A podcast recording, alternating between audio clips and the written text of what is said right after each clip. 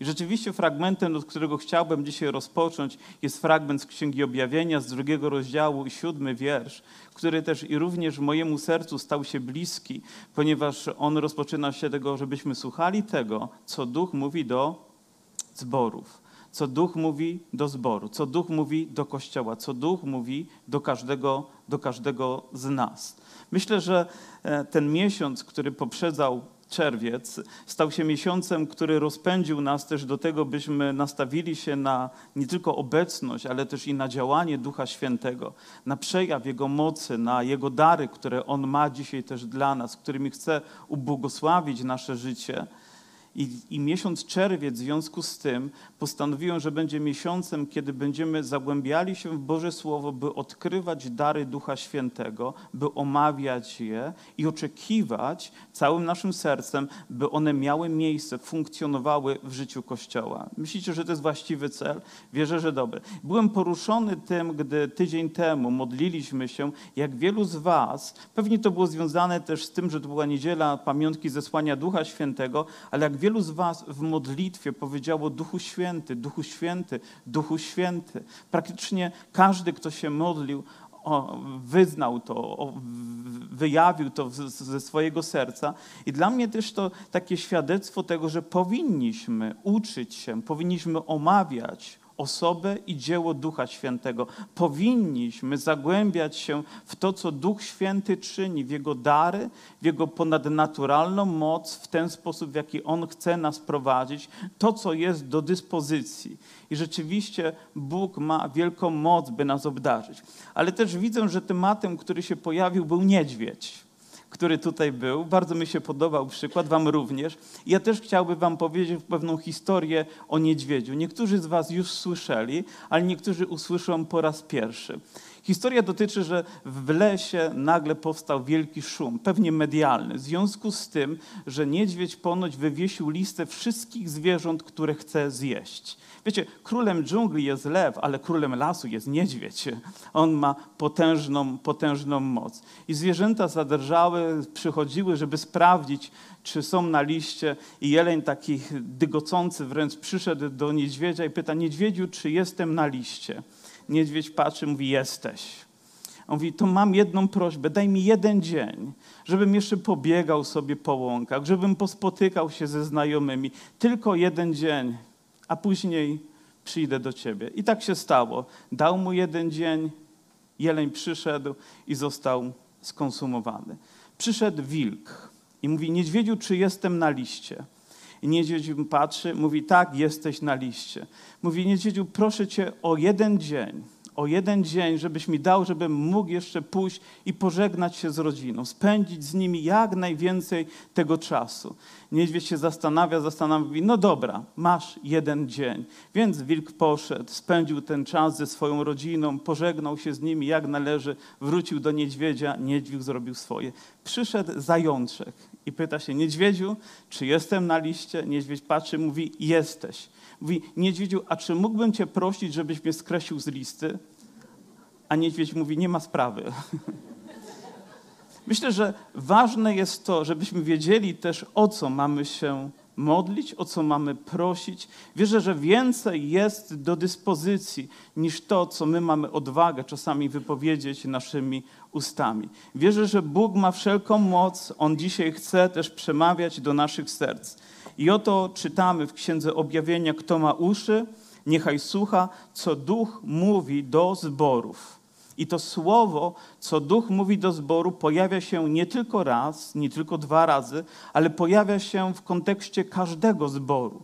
Siedem różnych zborów, siedem różnych sytuacji, siedem różnych usytuowań gdzieś w Azji Mniejszej i wiecie, nawet położenie geograficzne miało znaczenie to, jak ten zbór funkcjonował. Wiele różnych problemów, które pojawiały się w tym kościele, wiele czasami fałszywych nauk, które próbowały się wedrzeć, wiele takich trudności zewnętrznych, które próbowały wywrzeć presję na kościół, ale duch do każdego z tych kościołów chciał i mówił. I wierzę, że również i dzisiaj Duch Święty chce mówić do każdego kościoła Chcę mówić do każdego zboru, bez względu czy on jest duży, czy on jest mały, czy on jest usytuowany w tej czy w innej szerokości geograficznej, czy cieszy się może lepszym powodzeniem, czy przechodzi przez trudniejszy czas, to Duch Święty niezmiennie chce do nas mówić. Jest nasza zgoda? A więc jeżeli On chce mówić, to naszą rolą jest nastawić się na to, żeby słuchać Jego głosu, żeby rozpoznawać ten głos w przestrzeni, która się pojawia,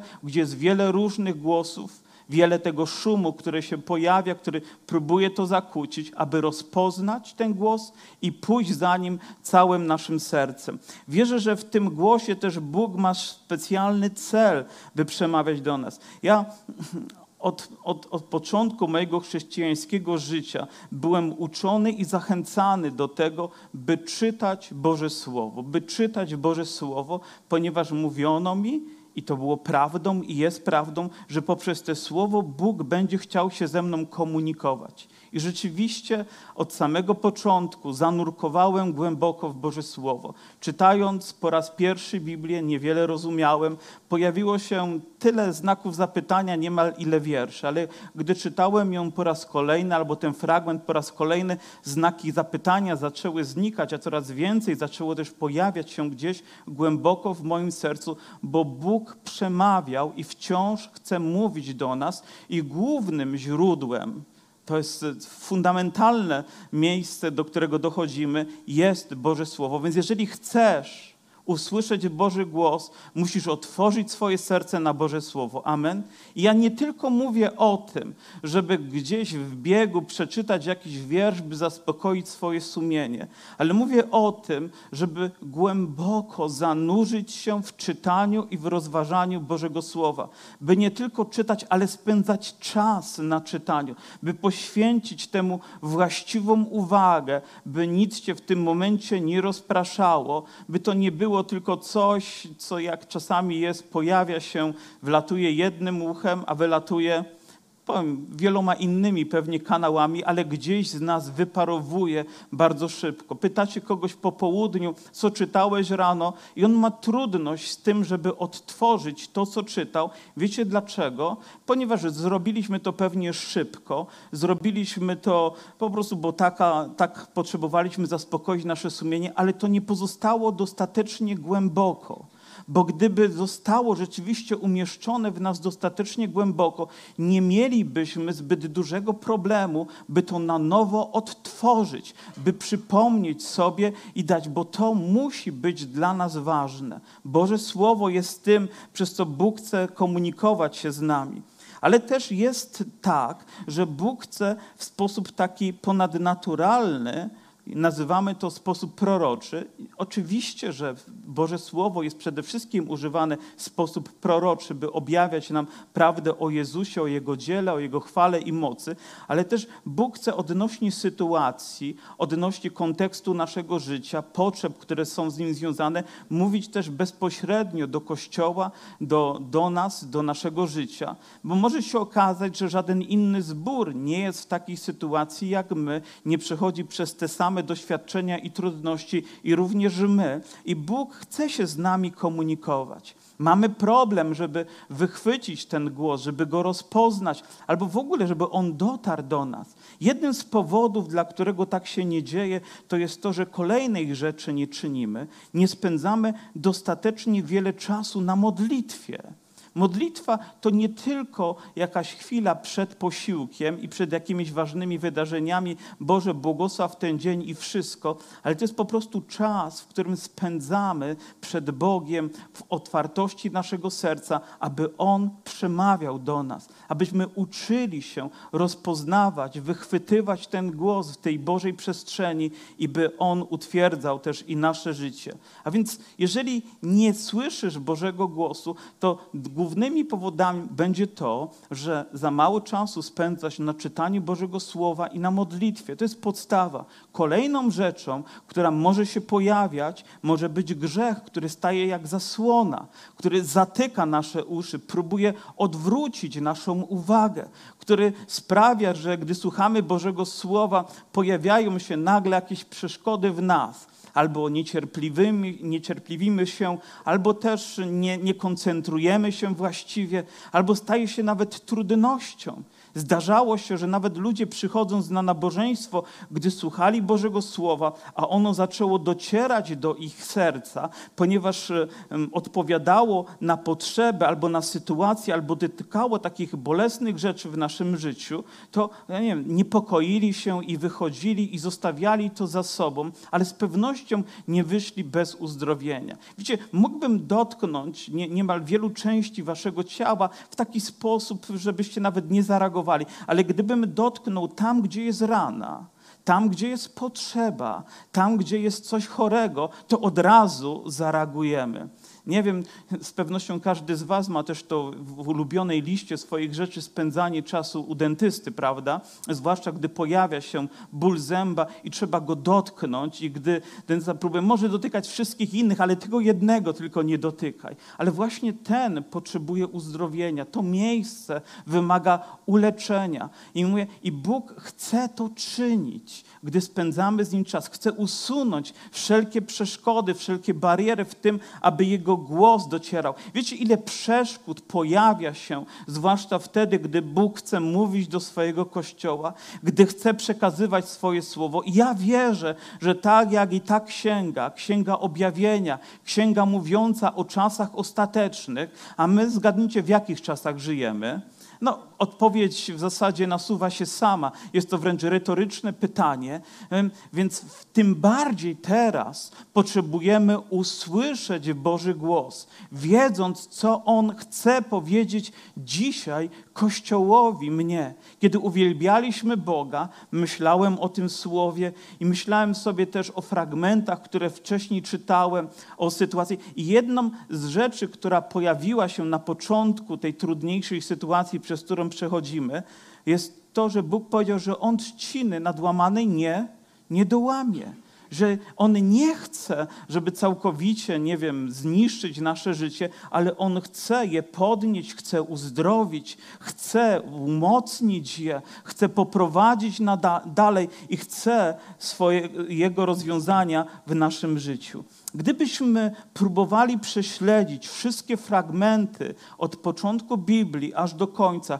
które mówią o tym, jak Bóg przemawiał do Kościoła, jak przemawiał do, do narodu izraelskiego, w jaki sposób to słowo miało wpływ na ich życie, na ich funkcjonowanie, w jakich sytuacjach przemawiał, to nie tylko brakłoby tego dnia, brakłoby tego tygodnia i brakłoby nawet całego miesiąca, by należycie rozważyć każdy z tych fragmentów. Ale to oznacza, że Bóg chce przemawiać. Pozwólcie, że tylko kilka myśli. One rozpędzą nas, one dadzą nam przedsmak tego, co Bóg chce dzisiaj też i dać nam, i później w kolejnych tygodniach Kościołowi. I wierzę, że chce dać też również mojemu i Twojemu sercu. Chciałbym, żebyśmy zajrzeli do Starego Testamentu, do drugiej Księgi Królewskiej, gdzie czytamy historię o proroku, który na imię ma Eli, e, Elizeusz. Ktoś słyszał o nim? To następca Eliasza. Wiecie, że Eliasza Pan zabrał, jego płaży został przekazany Elizeuszowi i on kontynuował to wspaniałe dzieło i Bóg manifestował też swoją niezwykłą moc w jego życiu, dokonując takich rzeczy, że nawet siekiera z wody wypływała, co wydaje się wbrew wszelkim prawom fizyki, ponieważ jest to no, no, nie, niemożliwe patrząc po ludzku, ale jednak Bóg dokonuje takich rzeczy, ale to, co wydaje się również rzeczą niemożliwą, czytamy o tym w szóstym rozdziale i w wierszu ósmym, który mówi tak. Ilekroć król Aramu prowadził wojnę z Izraelem i po naradzie ze swoimi dostojnikami powiadał, w tym a w tym miejscu stanę obozem, mąż Boży wysyłał do króla izraelskiego wiadomość, wystrzegaj się, aby ciągnąć tamtędy, gdyż tam obozują Aramejczycy. Wydaje się bardzo prosta wiadomość. Oto król, który jest przeciwny narodowi izraelskiemu, e, prowadzi z nim wojnę i zasadza się na niego, czyli robi pułapkę, robi miejsce, w którym chce go zaatakować. I oto mąż Boży odkrywa to, co ten król próbuje zaplanować przeciwko narodowi izraelskiemu, a później wysyła wiadomość do króla izraelskiego, aby on tego się wystrzegł, aby nie szedł tą drogą. Widzicie, prosta rzecz, ale zbawienna. Oto mąż Boży otrzymuje poznanie, to co planuje wróg, przekazuje człowiekowi, który może ustrzec siebie i cały naród izraelski. I myślę, że właśnie też tak działa słowo, które Bóg chce objawiać nam. On zna, Bóg zna zamysły wroga, prawda? Zna jego pułapki, zna niebezpieczeństwa, które czyhają na nas. I naszą rzeczą jako Bożych ludzi jest wsłuchać się w to, co Bóg chce powiedzieć nam, rozpoznać ten głos, który pochodzi z nieba, a później też zastosować go najlepiej we własnym życiu i przekazać innym, aby ustrzegli się, aby nie wpadli w tą pułapkę, ponieważ grozi to z niebezpieczeństwem. Być może droga, którą musiał iść król, była trudniejsza była bardziej dla niego, wydaje się, niebezpieczna. Ale jeżeli posłuchał Bożego głosu, jeżeli usłyszał i dał posłuszeństwo, to rzeczywiście jego życie zostało ocalone, jego zdrowie zostało ocalone, wiele trudności uniknął. I myślę, że w ten sposób Bóg działa również w naszym życiu. I w tej sytuacji, o której tutaj czytamy, myślę, że Bóg więcej uczynił niż to, my, my mam, niż my mamy tego świadomość. Że wiele razy Duch Święty w ponadnaturalny sposób wpłynął na nasze życie. Być może nawet nie byliśmy w pełni tego świadomi, by ustrzec nas przed niebezpieczeństwem, które nam groziło. Ja pamiętam sytuację, kiedy gdzieś siedząc w biurze tutaj, już zbierałem się do wyjścia, ale jeszcze to się pojawiło, jeszcze ten telefon, jeszcze ta sytuacja i ten czas się odwlekł, odwlekł o, nie wiem, może o dwie minuty.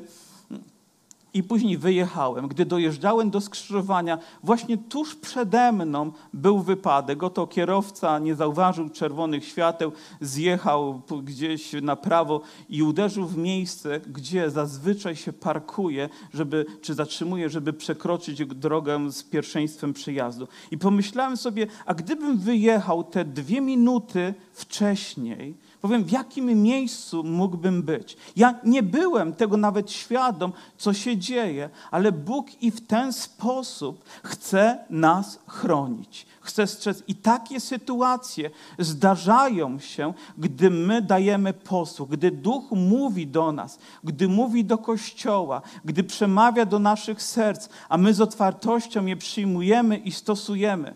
A może ktoś by powiedział, taki jak ten król, a co ten prorok tam wie? Przecież to ja jestem głównym strategiem, ja jestem odpowiedzialny za siły militarne, to ja mam władzę, to ja podejmuję decyzję. Ale konsekwencje tego byłyby straszne. Wiem, że całym sercem możemy bardziej niż sobie, niż naszym zmysłom, niż naszym emocjonalnym potrzebom zaufać Bogu. Amen? Więc Bóg chce mówić do nas i nawet będzie używał okoliczności, które się pojawiają w naszym życiu, żeby mieć wpływ na nasze dziecko, by zatrzymać nas. Pamiętam, jak kiedyś jeden z starszych braci opowiadał, jak to mm, jeden z wierzących ludzi no, był nielubiany w okolicy z powodu tego, że uwierzył w Pana Jezusa, ale był też człowiekiem zamożnym, miał stadninę koni, lubił jeździć na koniu. I ludzie, którzy byli mu przeciwni, zrobili pułapkę dla niego, rozciągnęli linkę między drzewami. Wiecie, coś takiego cienkiego trudno zauważyć. Uczynili to na wysokości mniej więcej głowy, więc gdyby on jechał na koniu i miał przejeżdżać tą drogą, to wiecie, co by się stało, gdyby nie zauważył tej linki. I kiedy przejeżdżał, to nagle poczuł wielki ból gdzieś w kostce i schylił się, żeby chwycić się za kostkę. I to było dokładnie w tym momencie, kiedy linka była ponad jego, ponad jego głową. Później ci ludzie, gdy go spotkali, byli rozdygotani wręcz, ponieważ oni widzieli tą sytuację nieco inaczej.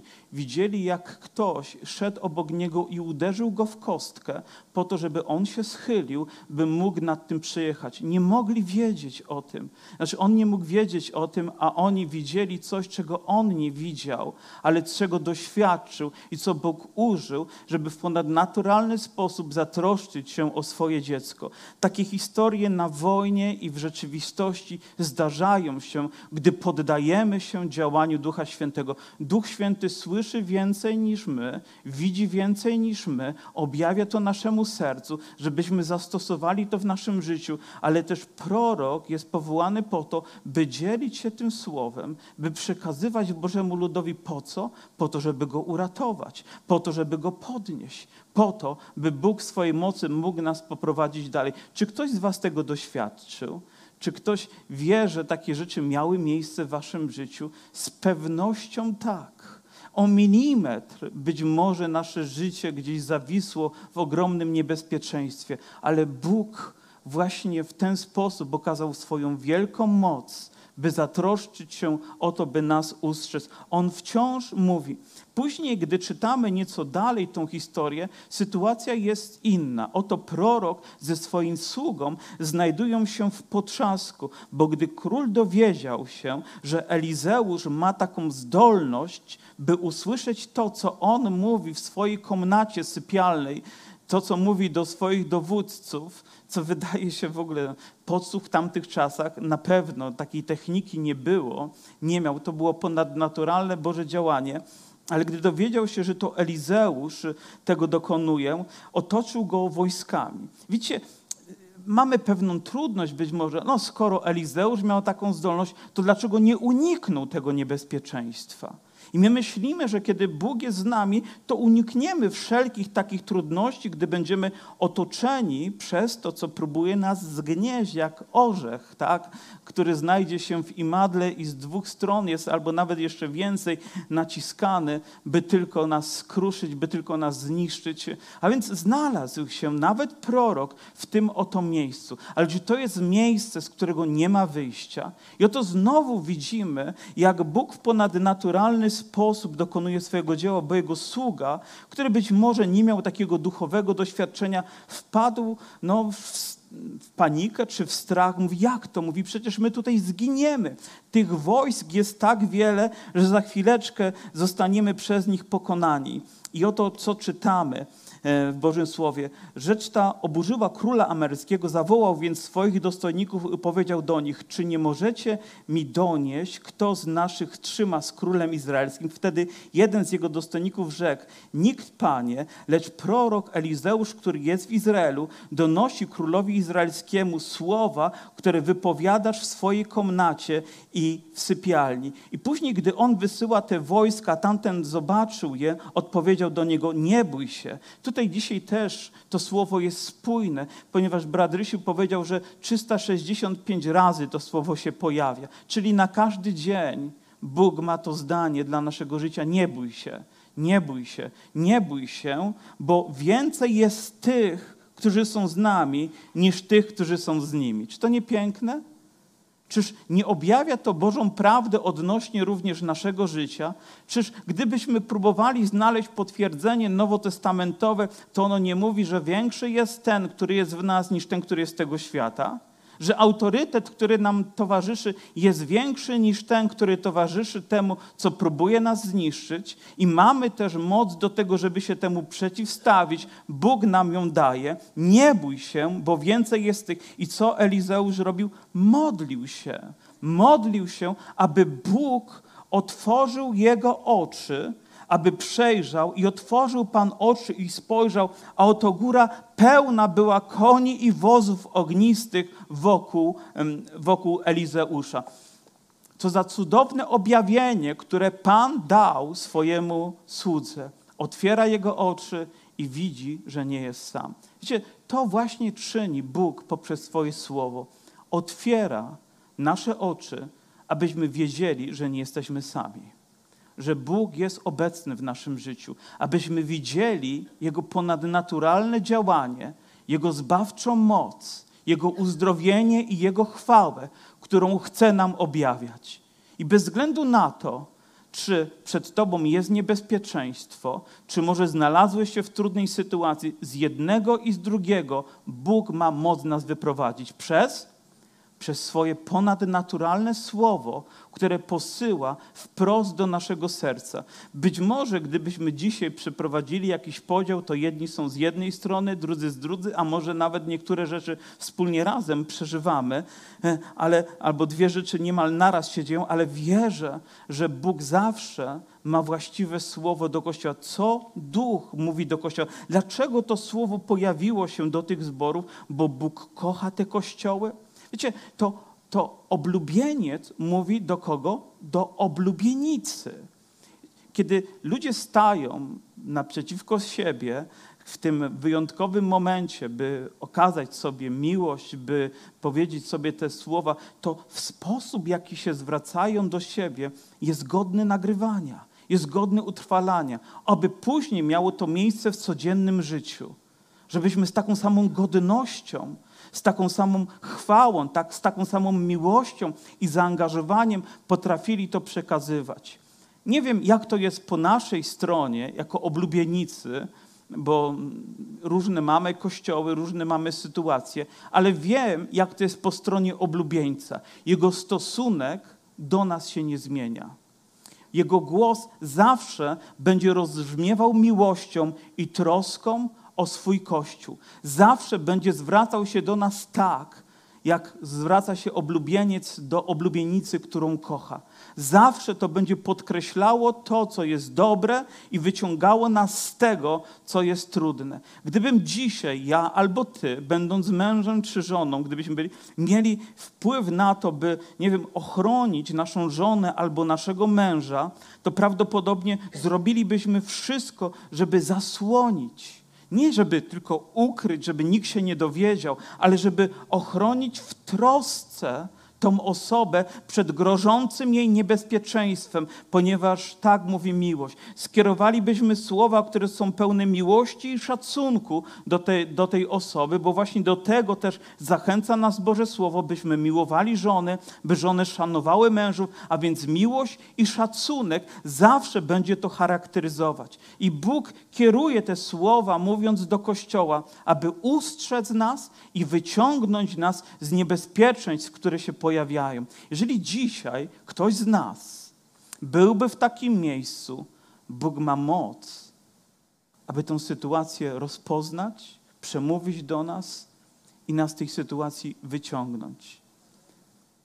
Bez względu na to, jak ona jest trudna i dramatyczna, Bóg nigdy nas nie pozostawia bez odpowiedzi. Ja nie wiem, czy wszystkie odpowiedzi nam się spodobają od razu, ale z biegiem czasu kiedy sięgamy do tych odpowiedzi, które nie podobały nam się rok temu, a może 10 lat temu, dzisiaj mówimy chwała Ci Boże. Prawda, że tak jest? I do niektórych rzeczy dojdziemy dopiero, żeby powiedzieć chwała Ci Boże. Nawet sytuację, która się wytworzyła, czasami ona jest niezrozumiała, ale Bóg wie, co czyni i On ma moc chronić swój Kościół. Czy myślicie, że w tym momencie Jego troska została odwrócona od nas? On odwrócił swoje oblicze od swojej oblubienicy. Nie, tak nie jest. Myślę, że jest to kłamstwem, jest to, jest to czymś, czym diabeł próbuje zastraszyć nas, może zniechęcić, bo on wciąż mówi i chce w pełen mocy i miłości sposób przemawiać do, do każdego z nas. A później czytamy też słowo, cofając się w zasadzie chronologicznie do, do ksiąg mojżeszowych, kiedy oto w obozie izraelskim 70 starszych ludu zaczyna prorokować. Oto Pan czyni rzecz niezwykłą, że bierze coś z ducha Mojżesza, udziela starszym, aby oni zaczęli prorokować jest rzeczą taką może znamienną też to, że oni to nie robili codziennie, ale w tym momencie, kiedy Pan uczynił, to oni stali się prorokami. Dwoje z nich, czy dwóch z nich nie było akurat wtedy razem na tym zgromadzeniu. Nie wiem, czym się zajmowali, ale zostali w obozie. Ale kiedy Pan uczynił tą rzecz, nawet oni zaczęli prorokować i zauważył to, pamiętacie kto? Jozue. Jozue taki trochę oburzony, gdy ta wieść dotarła do niego, mówi, mówi Mojżeszu, mówi zabroń im tego. Mówi, on, nie, nie mogą sobie tak. Jeżeli ich nie ma, to nie ma potrzeby, żeby oni prorokowali. I wtedy Pan też y, przemawia do Mojżesza, a Mojżesz do Jozuego, żeby, żeby nie był zazdrosny o niego, żeby też nie poszedł za daleko. I wtedy mówi coś wyjątkowego też Mojżesz. Mówi, oby cały lud zamienił się w proroków Pana. Oby cały lud, nie tylko tych 70, a w zasadzie 68 i tych dwóch maruderów, ale wszyscy zamienili się w proroków Pana. To było w Starym Testamencie daleko, ale coś dopiero w Nowym Testamencie, w kontekście tego, że, że żyjemy w czasach ostatecznych, czy nie powinna ta myśl przyświecać nam, że Boże, potrzebujemy stać się Twoimi prorokami, ludźmi, którzy odbierają Twoje słowo, i ludźmi, którzy przekazują Twoje słowo po to, by ustrzec, po to, by wyciągnąć niebezpieczeństwa, po to, by ocalić nasze życie, ocalić naszą godność, nasze domy, przynosić Bogu chwałę, obwieszczać Jego dzieła, oby cały lud zamienił się w proroków Pana. Czy chcecie powiedzieć, tak mówię, pastorze, czy myślisz, że ja mogę być prorokiem? Czy ktoś z Was miał takie myśli, zwątpienia? No, no nie, no rozumiem, pierwszy rząd jeszcze w kościele, może starsi zboru, może jeszcze paru innych liderów, może ludzie, którzy, którzy gdzieś tam coś wykonują, może oni, ale ja miałbym zamienić się w proroka Pana. Wiecie, gdybym ja to mówił, to rzeczywiście jest to tylko moja pobożna myśl. Ale jeżeli Bóg to mówi, że taka jest Jego wola odnośnie nas, to powinniśmy to przyjąć. Amen? Czyż nie tak powinno być? Na dowód tego chciałbym powiedzieć Wam również to, co mówi Boże Słowo w liście do Koryntian, które mówi tak: dążcie do miłości i starajcie się też usilnie o dary duchowe, a najbardziej o to, aby a najbardziej o to, aby prorokować. A więc zobaczcie, ta myśl pojawia się nie tylko w Starym Testamencie w kontekście 70, 68 i dwóch maruderów, pamiętacie o tym, ale każdego. Kościół, który ma swoje problemy, które troski, a tutaj zajmuje się takimi rzeczami. Ktoś powie, najpierw wy rozwiążcie wszystkie problemy, a później dopiero prorokujecie. I chcę wam powiedzieć, że kiedy tak będziemy myśleć, to nigdy nie dojdziemy do tego, bo nigdy nie rozwiążemy wszystkich bieżących rzeczy. Prawda, że tak? Zawsze znajdzie się coś, co będzie jakąś trudnością w naszym życiu, jakimś doświadczeniem, jakąś przeciwnością, jakąś troską. I to może powodować, że czujemy się niegodnie, ale tak nie jest. Bóg powołuje nas do tego, żebyśmy usilnie starali się o dary duchowe, a najbardziej o to, żeby prorokować. I w dwunastym wierszu mm, czternastego rozdziału mówi tak: Tak i wy ponieważ usilnie zabiegacie o dary ducha, starajcie się obfitować w te, które służą ku zbudowaniu zboru. Czyli innymi słowy, te, które służą wszystkim ludziom, obwieszczając Boże prawdę, a tym darem, który nie jest tylko indywidualnym dla nas samych, ale też dla całego Kościoła, jest dar prorokowania. Jakże potrzebujemy tego daru dzisiaj, by Duch Święty mówiąc do ludzi otwartych, pokornych, pełnych Ducha Świętego, pełnych oddania, obwieszczał też swoje plany dla nas, aby nas ustrzec, aby nas wyzwolić, aby nas podnieść i aby nas uzdrowić. I na dowód tego moglibyśmy czytać wiele fragmentów z Bożego, z Bożego Słowa, które mówią nam o potrzebie prorokow prorokowania. I ciekawą też rzeczą jest, że czasami ten dar pojawia się niemal na chwilę, towarzyszy naszemu sercu. To nie znaczy, że stajemy się w służbie proroczej, ale w tym momencie po prostu Bóg używa nas niemal w naturalny sposób, byśmy obwieszczali Jego dzieła. I oto w XIX rozdziale dziejów apostolskich czytamy o tym, jak apostoł Paweł przybył mm, do, do Efezu, wiecie, spotkał tam niektórych ludzi, którzy uwierzyli, ale jeszcze nie otrzymali Ducha Świętego, ponieważ nawet o nim nie usłyszeli i on zaczął się o nich modlić, i, a gdy to usłyszeli, zostali ochrzczeni w imię Pana Jezusa, a gdy Paweł włożył na nich ręce, stąpił na nich Duch Święty i mówili językami i prorokowali. I prorokowali. I obwieszczali Boże dzieła. Nawet nie, ma, nie mając z tym wcześniej do czynienia, byli wręcz nieświadomi tego, jak wielkie rzeczy Bóg zamanifestował w tym momencie w ich życiu. I myślę, że na dowód tego moglibyśmy wiele innych fragmentów przywołać, i również i w Starym i Nowym Testamencie, gdzie Boże Słowo w konkretnej sytuacji miało radykalny wpływ na zmianę życia człowieka, czasami miast, a nawet i całych narodów. Jakiego słowa potrzebuje nasz naród? Jakiego słowa potrzebuje to miasto? Jakiego słowa potrzebuje Kościół? Jakiej postawy potrzebuję ja, by usłyszeć to słowo, mieć odwagę i Boży autorytet, by je przekazać, by opowiedzieć o nim, by zamanifestować się i być może ktoś z Was będzie miał taką okazję. Nie wiem, może nagle telewizja się pojawi, będziecie mogli jedno zdanie powiedzieć, oby to było coś, co rzeczywiście będzie zbudowaniem i zachętą dla innych. Chciałbym wiedzieć, chcę słyszeć to, co Duch dzisiaj mówi do Kościoła.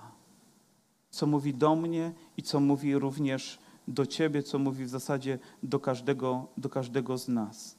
Czytając dalej księgę też dzieł, dzieł apostolskich, dowiadujemy się, że, że w pierwszym kościele był nawet urząd, który był związany z prorokowaniem, że w jednym ze zborów byli prorocy, którzy trwali w modlitwie, odprawiali służbę, a Pan rzekł do nich przez Ducha Świętego: odłączcie mi tego i odłączcie mi tą osobę, aby ona mogła wykonywać, aby te osoby mogły wykonywać Boże dzieła. Jedną z nich był apostoł Paweł. I gdyby ci ludzie nie wysłyszeli tego głosu, nie byli mu posłuszni, dzisiaj Europa nie byłaby schrystianizowana tak, jak to ma miejsce. Dzisiaj nie byłoby tysięcy zborów ewangelicznych, takich jak nasz, gdyby nie ten głos, który rozpoznali i dali mu posłuszeństwo. Moglibyśmy pójść też do historii Filipa, który był człowiekiem jednym z siedmiu diakonów, którego po prostu upatrzono. Człowiek pełen Ducha Świętego,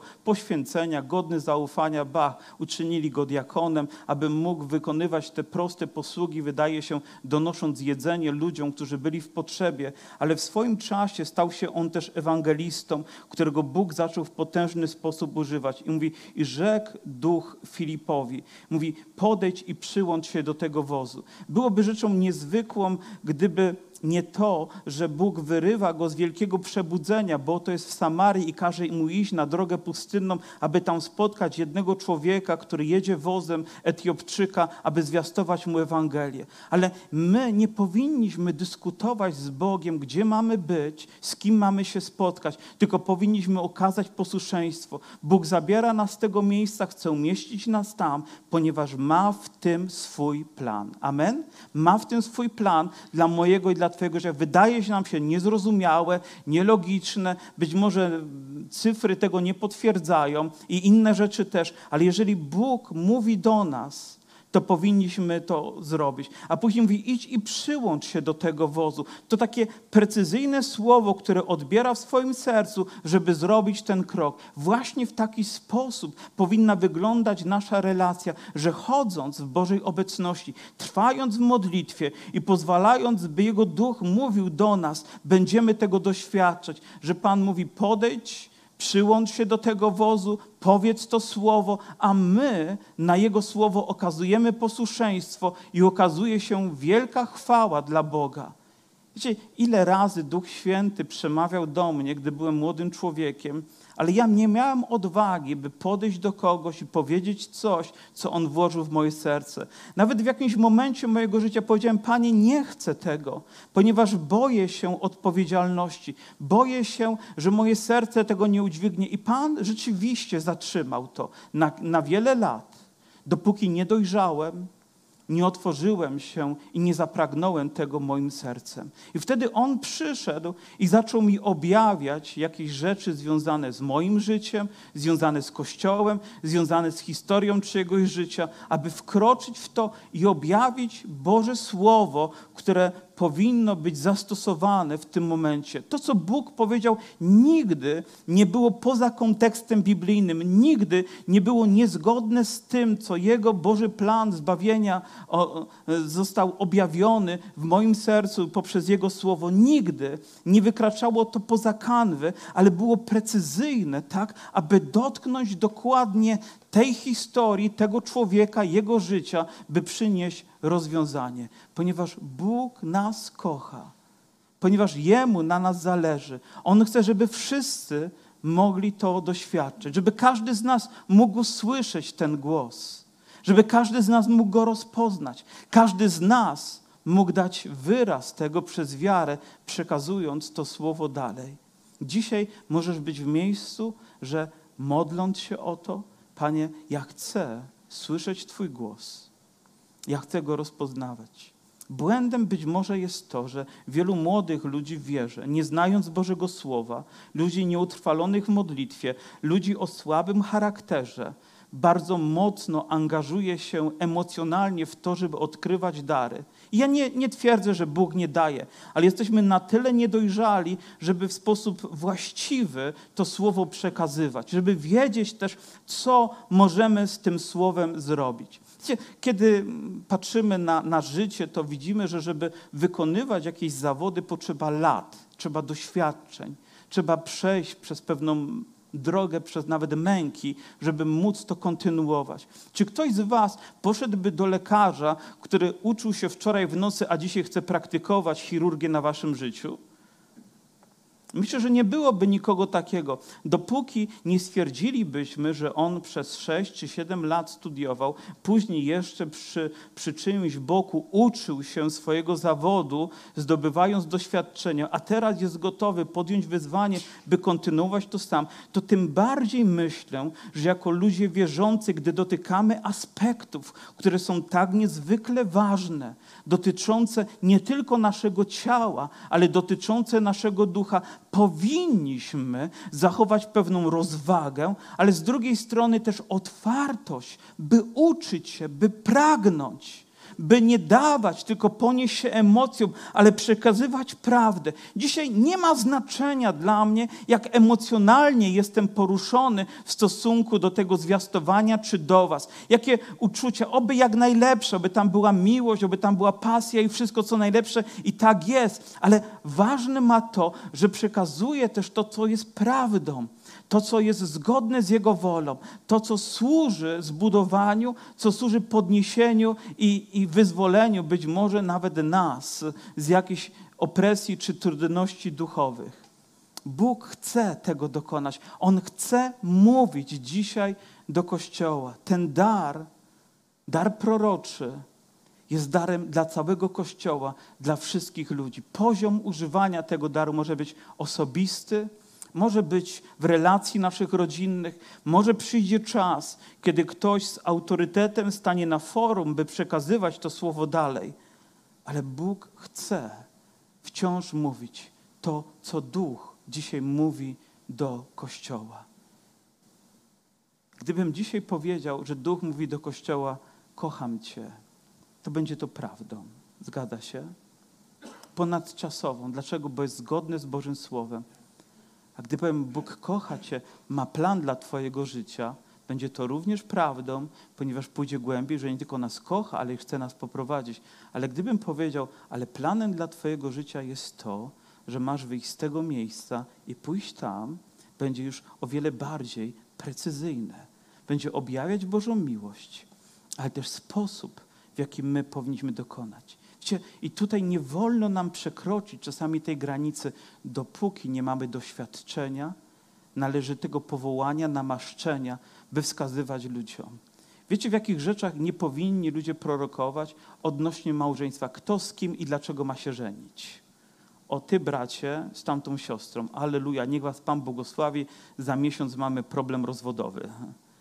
Nie wolno nam tego zrobić. Odnośnie używania naszych pieniędzy musimy być ostrożni, bo przekraczamy pewne granice, których my nie powinniśmy wchodzić.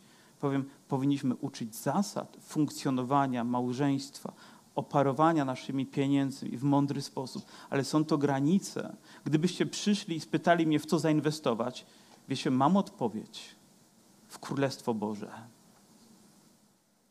Ale gdybyście mi powiedzieli, czy na giełdzie jutro ta waluta wzrośnie, czy nie, ja wam nie odpowiem, ponieważ nie jest to rzeczą Kościoła zajmować się tymi rzeczami, ani też wskazywać, kto z kim i dlaczego ma się żenić. Amen.